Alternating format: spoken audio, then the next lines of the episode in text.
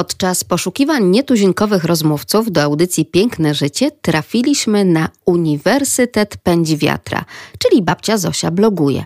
Autorką bloga jest aktywna i inspirująca innych seniorka.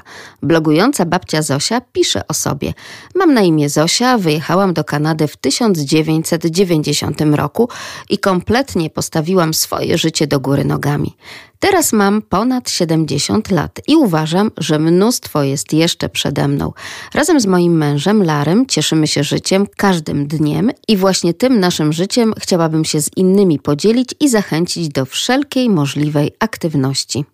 Blogerka babcia Zosia Pędzi Wiatr jest naszym gościem w audycji Piękne Życie. Sprzed mikrofonu kłania się Magdalena Lipiec-Jaremek. Zastanawiam się, czy użyć formy dobry wieczór, bo spotykamy się z naszymi radiosłuchaczami właśnie wieczorem, w każdy czwartek, tuż po godzinie 21.40, ale tak naprawdę z naszym gościem, z którym w tym momencie rozmawiamy, to dopiero wstaje słońce, więc dzień dobry, dzień dobry Kanado, dzień dobry pani Zofio. Zofia Zmarzlak jest razem z nami. Dzień dobry. A ponieważ czy to dwie Polki, czy dwóch Polaków, kiedy spotykają się nawet na łączach internetowych, na początku rozmawiają o pogodzie. Ja muszę pani powiedzieć, że my dzisiaj w Polsce mamy powrót zimy i to naprawdę takiej, że aż dłonie marzną, bo jest i deszcze ze śniegiem, nie ma wiosny. A jak pogoda w Kanadzie? A u nas przyszła dobra wiosna bo dzisiaj będzie 17, plus 17, ale już w weekend będzie plus 20. To jest pogoda, która zachęca do aktywności i do takich aktywności także na łonie natury pani zachęca na swoim blogu, chociażby na Uniwersytecie Pędzi Wiatra, czyli babcia Zosia bloguje. Czy to pani jest takim pędzi wiatrem? Raczej tak. Raczej tak, bo mój mąż jest taki stateczny, flegmatyk, a ja nakręcam. No, nie umiem siedzieć w miejscu. Dla mnie siedzenie jest najgorsze. Siedzę najwyżej pół godziny i już zmieniam pozycję, coś innego robię. I tę aktywność, a także tę energię próbuje Pani przekazać także swoim czytelnikom. Dlaczego? Dlaczego Pani uważa, że to jest takie ważne, żeby ciągle być aktywnym bez względu na wiek? No bo tak jak dzieci. Dzieci bez przerwy się ruszają są szczęśliwe. Kiedyś, jak byłam młoda, myślałam, że już jak będę na emeryturze, to już nic nie będę robić, tylko będę odpoczywać. A teraz nie można dużo siedzieć, trzeba się ciągle ruszać. Chodzę na spacer codziennie, gimnastykuję się, lubię pływać też, jak mam możliwość. No, w ogóle być w ruchu. Przez pryzmat takich pani obserwacji w Kanadzie, jak wygląda życie osób po sześćdziesiątce? Bo chyba trochę się jednak jeszcze różni od tego A. życia osób po sześćdziesiątce w Polsce. Tak, bardzo się różni, ponieważ ludzie tutaj właściwie dopiero zaczynają żyć. Europa jest e, trochę inaczej skonstruowana. W Europie ludzie więcej czasu poświęcają od młodości na rozrywki na wyjazdy, bo wszystko jest blisko. Tu wszędzie jest daleko. W związku z czym ludzie pracują, pracują, pracują. Jak to mówią w Ameryce, łóżko i fabryka to cała Ameryka. To znaczy w sensie ty łóżko i fabryka, że pracujesz, a potem przychodzisz tylko, żeby się przespać i następnego dnia z powrotem do pracy. A po 60, jak przechodzą na emeryturę, to dopiero zaczynają swoje marzenia realizować i w każdym bądź razie tutaj w Kanadzie raczej po 60 nikt nie uważa się za starego. Może dopiero taki po 80. Także ja jeszcze uważam się za bardzo młodą. Tego się od Pani w takim razie uczymy i tego się trzymajmy. Jakie aktywności Pani lubi? Lubię chodzić na spacer codziennie. Rano każdego dnia się gimnastykuję, jak wstanę. Dzisiaj nie robiłam tego, bo jeszcze za wcześnie. 10-15 minut. Tego to się na, nauczyłam. W Polsce osoba starsza to bardzo często po prostu babcia i dziadek. Jak wyglądają te relacje, a może sprawowanie opieki nad wnukami w Kanadzie? Rzadko, bardzo, bardzo rzadko w Kanadzie babcie zajmują się wnukami. Mają czas dla siebie i dla męża przeważnie zatrudniają nianie albo chodzą do przedszkola czy żłobka dzieci. Ten Instytut Matki Polki to tylko w Polsce tak jest rozwinięty. Idąc dalej takim łańcuszkiem, trochę jednak jeszcze stereotypów, ale także takich tradycji. Babcia to często równa się szarlotka, czyli właśnie babcia, która lubi kuchnię, lubi piec, lubi gotować, lubi dogadzać podniebieniom całej rodziny. A jak to wygląda u kanadyjskiej babci? O, kanadyjskie babcie są bardzo wygodne. Ja też się trochę skanadyzowałam. Jak mi się nie chce gotować, to mówię do męża, wiesz, to sobie coś zamówimy dzisiaj. Ale z reguły gotuję w domu, ponieważ lubię zdrowe jedzenie, w związku z czym y, dużo rzeczy trzeba samemu przyrządzać. I tak pod tym względem nieco lepiej jest w Kanadzie. Natomiast w Ameryce to już w ogóle nie ma co jeść, jak się wejdzie do restauracji. A jedzenie organik jest bardzo drogie w Ameryce. Ponieważ w Ameryce spędzam każdą zimę w Kalifornii, w Palm Springs, z tym, że w ostatnim roku nie pojechaliśmy tam ponieważ ze względu na pandemię. Padło już to hasło. Pandemia, koronawirus, to wywróciło cały świat do góry nogami tak naprawdę. Wywróciło nasze życie, nasze aktywności i w Polsce też przecież przez lata ostatnie tak wiele zaczęło się zmieniać, jeśli chodzi o aktywność osób starszych. W ogóle zaczęło funkcjonować takie powiedzenie jak aktywny senior, aktywna seniorka, różnego rodzaju kluby, spotkania, wyjazdy, uniwersytety drugiego, trzeciego wieku. To wszystko wszystko niestety musiało zaprzestać działać ze względu na obostrzenia sanitarne i epidemiologiczne. Jak generalnie żyje się w czasie pandemii w Kanadzie? Jak wygląda to życie? Ludzie się tu bardzo podstosowują do przepisów, jakie w danym momencie oficer health zdrowia ogłasza. Nawet było tak, że jak w ubiegłym roku zaczęła się pandemia, i wróciliśmy wcześniej, dwa tygodnie wcześniej z, z Palm Springs z Kalifornii do domu, ponieważ już widziałam, co się zaczyna dziać. Dopingowałam męża, żeby zmienić bilety na wcześniejszy powrót i potem trzeba było dwa tygodnie być w domu, kwarantanna. Więc ja e, wychodzi, zaczęłam wychodzić chociaż na spacer, bo tu u nas, ja mieszkam na wyspie koło Vancouver Island i tu jest dużo swobody w sensie tym, że wyjdziesz na ulicę, to rzadko kogoś spotkasz. Ale mąż jest bardzo mój przepisowy Kanadyjczyk, w związku z czym wyczytał, że tylko na kwarantannę mogę tylko wyjść na, na patio, na podwórko, nigdzie dalej. A już było tylko ostatnie pięć dni tej kwarantanny. No to już sobie myślę, no bo tak to będziemy płacić 3 czwarte miliona dolarów jako karę. Ale to już nie chciałam go denerwować, już te ostatnie pięć dni tylko na podwórko wychodziłam i tak spacerowałam w tą i z powrotem. U nas teraz bardzo się powiększa w British Columbia, bo cała Kanada składa się z 10 prowincji. Jest jedna prowincja, to jest większa niż cała Polska i teraz w naszej prowincji, w tej, w której my mieszkamy, powiększa się. Znacznie więcej przypadków jest zachorowań. Ja podchodzę do tego tak, że po prostu chyba nie powinniśmy dać się zwariować, tylko nauczyć się żyć w niepewności. To znaczy wzmacniać swój organizm, relaksować się na ile tylko to możliwe.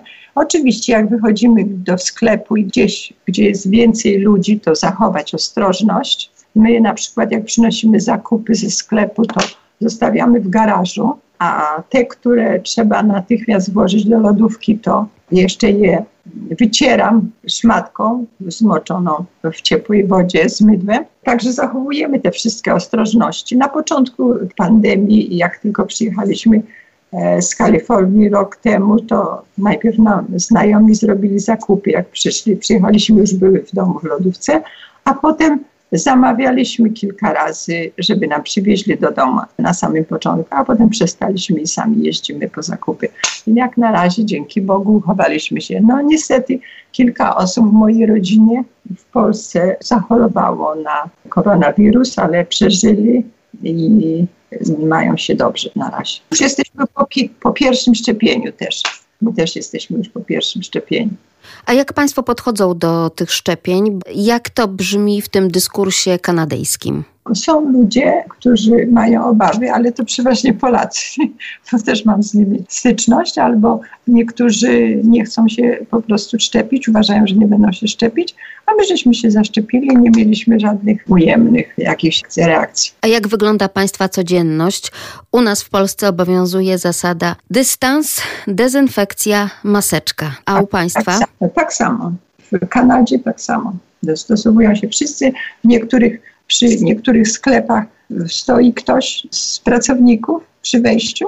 Do lekarzy tak samo się e, dostajemy przez telefon, No, czasami jak już ze dwie, trzy wizyty na ten sam temat były po telefonicznie, to doktor czasami przyjmuje fizycznie, to znaczy idzie się wtedy do, lekarza, żeby mieć kontakt. Ale ogólnie jest podobnie, czeka się tak samo długo, szczególnie na wizyty lekarskie do specjalisty. W Polsce jest pod tym względem o tyle lepiej, że można iść prywatnie, zapłacić i iść prywatnie. Tu nie można iść prywatnie. Bardzo rzadko można do któregoś lekarza iść prywatnie. Na przykład kataraktę można sobie zrobić prywatnie za 5 tysięcy jedno oko. Na szczęście my już z mężem mamy to poza sobą przed pandemią. Zdrowe spojrzenie i zdrowe oko bardzo ważne, bo tak jak śledzę Pani ostatnie posty, chociażby w malarstwie, w rysunku Pani odnajduje. O, dziękuję. Taki to spokój. To jest taka art terapia. To, że poprzez twórczość można chociażby na przykład zapomnieć o tych wszystkich problemach związanych z pandemią, e, można znaleźć jakieś wyrażanie siebie. Można, można. U nas w Nanaimo, taka, ta miejscowość się tak nazywa, w której mieszkam, jest w ogóle na, na całej tej wyspie bardzo dużo artystów mieszka, dużo ludzi właśnie maluje. Ja odkryłam to niedawno dopiero, a teraz chciałam zrobić mężowi na urodziny jakiś wyjątkowy prezent w lutym i przyszło mi do głowy, że ja namaluję mu dom, który mamy w Kalifornii, ponieważ nie mogliśmy pojechać, to mu namaluję taki prezent. No i o dziwo, jak wstał, to mu dałam ten rysunek z życzeniami i on poznał, że to nasz dom. No to mnie to zachęciło do malowania i teraz już zrobiłam chyba osiem rysunków, a poza tym jeszcze chcę Pani powiedzieć, że ta pandemia to na mnie tak wpłynęła, że skończyłam drugą książkę. Także niedługo ukaże się. To znaczy, ja już jedną wydałam cztery lata temu, Podzielone życie. Cała książka jest o mnie, ale w połowie jest o Polsce, o moim dzieciństwie i tych latach szkolnych, a w połowie o Kanadzie. A ta druga książka będzie miała tytuł Na skrzydłach wiatru i jest o moich podróżach, ponieważ podróże to jest nasz taki bardzo duży wycinek naszego życia. Najpierw podróżowałam dużo w Polsce, mąż też, a potem jak odkąd zaczęliśmy być razem, cały czas podróżujemy. Przynajmniej raz do roku wyjeżdżaliśmy gdzieś. Ta książka nie jest jakimś tam przewodnikiem, jest takim raczej moim okiem spostrzeżeń, gdzie byłam, co tam widziałam, kogo spotkałam jakie wrażenie na mnie zrobiły ten kraj. Właśnie mogę powiedzieć, że dzięki pandemii to skończyłam książkę, bo więcej czasu przebywa się w domu. Tak oto zrozumiały jest ten przydomek, który pani sobie wybrała, czyli pędzi wiatr, no bo tam, gdzie wiatry zawieją, tam chętnie by się pani pojawiła. Chyba tęskno do tych podróży w czasie pandemii. Tak, przez tą pandemię żeśmy odwołali, no ale w dalszym ciągu myślimy o tym, żeby zabukować na przyszły rok, na maj. Zobaczymy, co z tego wyjdzie. Ja mam nadzieję, że w listopadzie wyjedziemy do Kalifornii, że to się do listopada jakoś wszystko uspokoi. Ja jeszcze zapomniałam o aktywności najważniejsze chyba powiedzieć, że my z mężem codziennie przed kolacją tańczymy trzy tańce, ponieważ Nanaimo to jest takie e, miasto, gdzie przed pandemią jeżeli ktoś lubi tańczyć, to mógł codziennie chodzić do jakiegoś innego klubu tańczyć. I my też chodziliśmy w każdy czwartek na tańce i tam tylko emeryci przychodzili. Przychodziło po 80 do 110 osób w każdy czwartek. Zależy jaki zespół grał. No a teraz nie można się spotykać przy, od roku, no to w domu tańczymy. Taka gimnastyka. No I przyjemnie, nie? I przy muzyce, a wiadomo, że muzyka bardzo dobrze wpływa na naszą psychę. Proszę powiedzieć, jakie tańce Państwo tańczą? No tańczymy wszystko. Tańczymy rumbę, tańczymy walc, foxtrot, cha-cha, czasami tango, czasami polkę. Tańczymy taki średni taniec, potem drugi walc i trzeci szybki salsę. Bloguje Pani, pisze książkę. Chyba dużo zawodowo wcześniej Pani pracowała ze słowem? Ja byłam nauczycielką, uczyłam młodsze klasy, 24 lat w Polsce, koło Warszawy, w Puszczy Kampinoskiej. W jaki sposób zrodził się pomysł na prowadzenie bloga? W pewnym sensie zasługa mojej córki, ponieważ ona mówi, mama, wy tam takie macie fajne, zwariowane życie staruszków, zacznij pisać blog. Ja mówię, no co będę pisać na tym blogu? A co ci przyjdzie do głowy, to pisz. To był koniec czerwca, trzy lata temu, także 1 lipca minie trzy lata jak zaczęłam pisać. No i tak sobie posłuchałam jej i zaczęłam pisać, no i potem jakoś nie mogę przestać. Ludzie do mnie piszą, czasami bardzo fajne komplementy, czasem im tam coś odpowiadam, no i tak się komunikujemy z tym światem. Ale to jest naprawdę piękne, bo pani po prostu dużo optymizmu wnosi.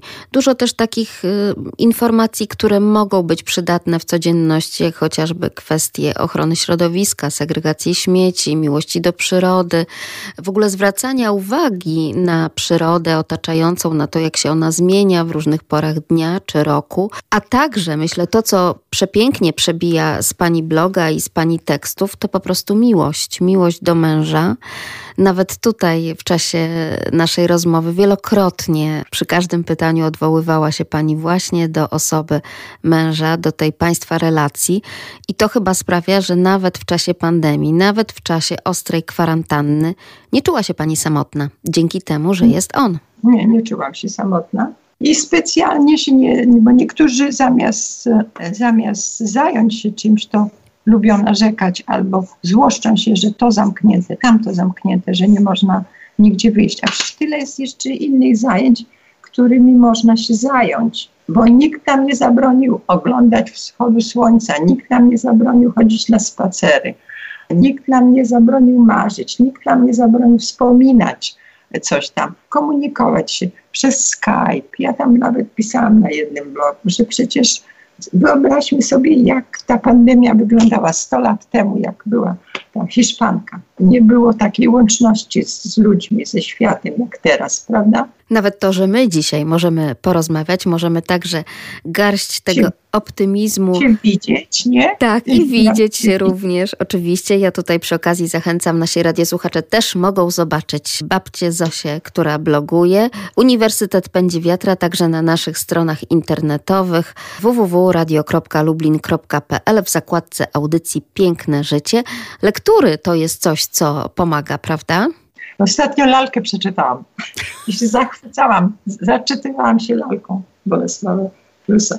Czy obserwuje Pani wśród swoich znajomych w Kanadzie, wśród sąsiadów na przykład kwestie no, takiego załamania, takiego ogromnego strachu? Czy troszkę bardziej wytrzymali na przykład są Kanadyjczycy? Ja myślę, że bardziej wytrzymali, ponieważ może są bardziej cierpliwi i nie ma takiej takiej psychozy ogólnej. Ludzie zachowują ten dystans, nie rozmawiają, dzieci przyjeżdżają do tych starszych, bo w tym osiedlu, w którym my mieszkamy, to właśnie wszyscy starsi mieszkają, wszyscy emeryci mieszkają tylko, ale nie ma takiej psychozy, na dworze można porozmawiać, zawsze jak się wychodzi na spacer, zawsze się kogoś spotka, to ludzie sobie chwilkę porozmawiają, stojąc w odległości.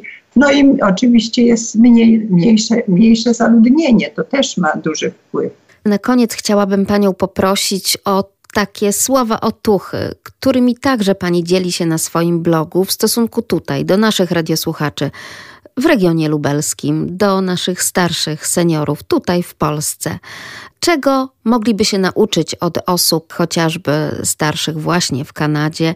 Jakiego stylu, jakiego rytmu życia, także teraz w czasie pandemii, jakiego podejścia do COVID-19? Przede wszystkim nie poddawać się i zawsze codziennie znaleźć sobie jakąś taką przyjemność, co człowiekowi sprawia przyjemność. Jednemu taniec, drugiemu czytanie książki, trzeciemu na spacer, czwartemu modlitwa, piątemu jakaś fajna rozmowa z kimś, żeby sobie robić takie małe, małe przyjemności w życiu i to codziennie, to myślę, że to właśnie też pomaga i, i nie ulegać takiej ogólnej psychozie. I nauczyć się żyć w niepewności, tak jak ludzie w czasie wojny, pięć lat żyli w niepewności, prawda? Z, z wiekiem wydaje mi się, że powinniśmy być bardziej cierpliwi.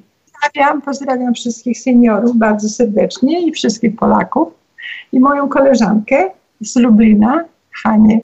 Dziękuję bardzo, pozdrawiam serdecznie. Blogerka babcia Zosia Pędziwiatr była naszym gościem. Bardzo pięknie dziękujemy za rozmowę, a sprzed mikrofonu kłania się Magdalena Lipiec-Jaremek. Do usłyszenia jak zawsze w każdy czwartek tuż po 21.40.